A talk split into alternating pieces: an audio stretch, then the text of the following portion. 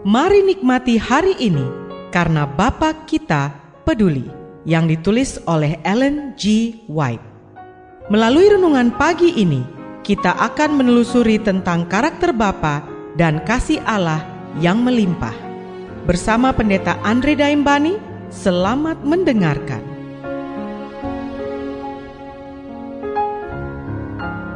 Shalom, selamat pagi saudaraku.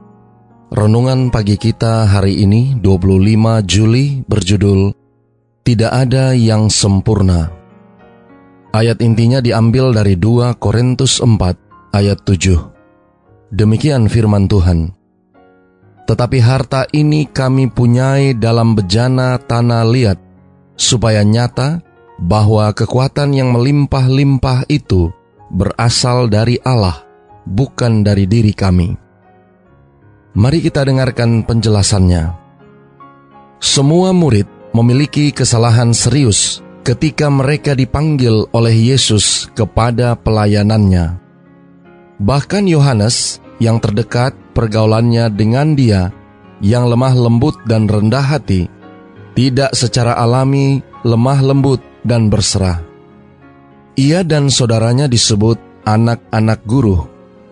Selagi mereka bersama Yesus, kelalaian apa pun yang diperlihatkan kepadanya akan membangkitkan kecenderungan alami mereka dan sifat suka menyerang. Watak jahat, balas dendam, roh mengkritik, semua ada di dalam diri murid kekasih. Dia sombong dan berambisi menduduki jabatan pertama dalam kerajaan Allah.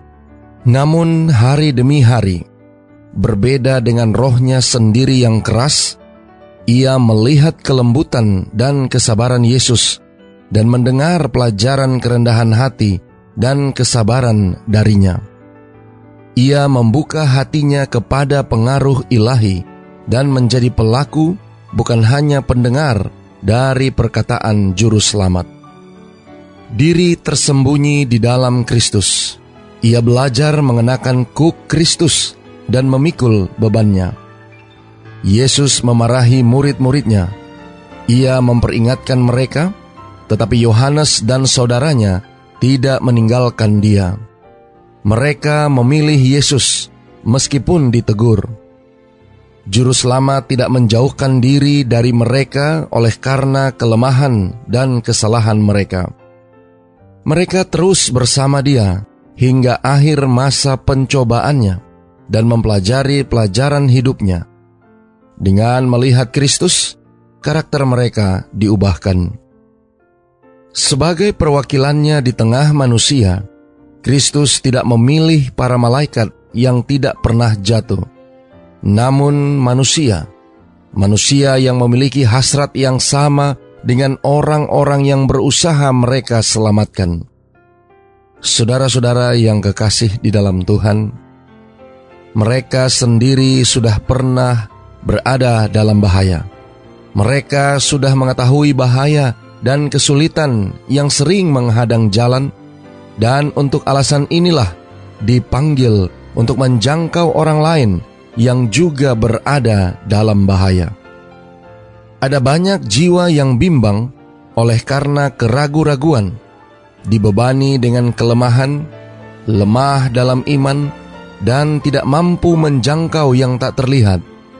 Namun, seorang teman yang bisa mereka lihat datang kepada mereka menggantikan Kristus, bisa menjadi mata rantai penghubung untuk memperkuat iman mereka yang lemah kepada Kristus. Kita harus menjadi pekerja bersama dengan para malaikat surgawi dalam menceritakan Yesus kepada dunia. Doa kita hari ini. Bapa, terima kasih. Melalui renungan pagi ini, kami boleh belajar dari pengalaman Yohanes. Terima kasih melalui renungan pagi ini kami diingatkan bahwa tidak ada yang sempurna. Tolong kami hari ini Bapa, biarlah dengan pertolongan kuasa roh kudusmu, kami boleh senantiasa datang dekat kepada Kristus, belajar dari kehidupannya, sehingga kami dari hari ke hari semakin serupa dengan Kristus. Terima kasih Bapa.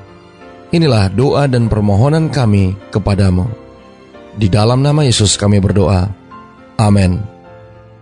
Bagi saudara yang ingin mempelajari pembahasan ini lebih dalam, saudara dapat menghubungi kami melalui WhatsApp di nomor 08111 62662 9. Selamat beraktivitas, Tuhan memberkati.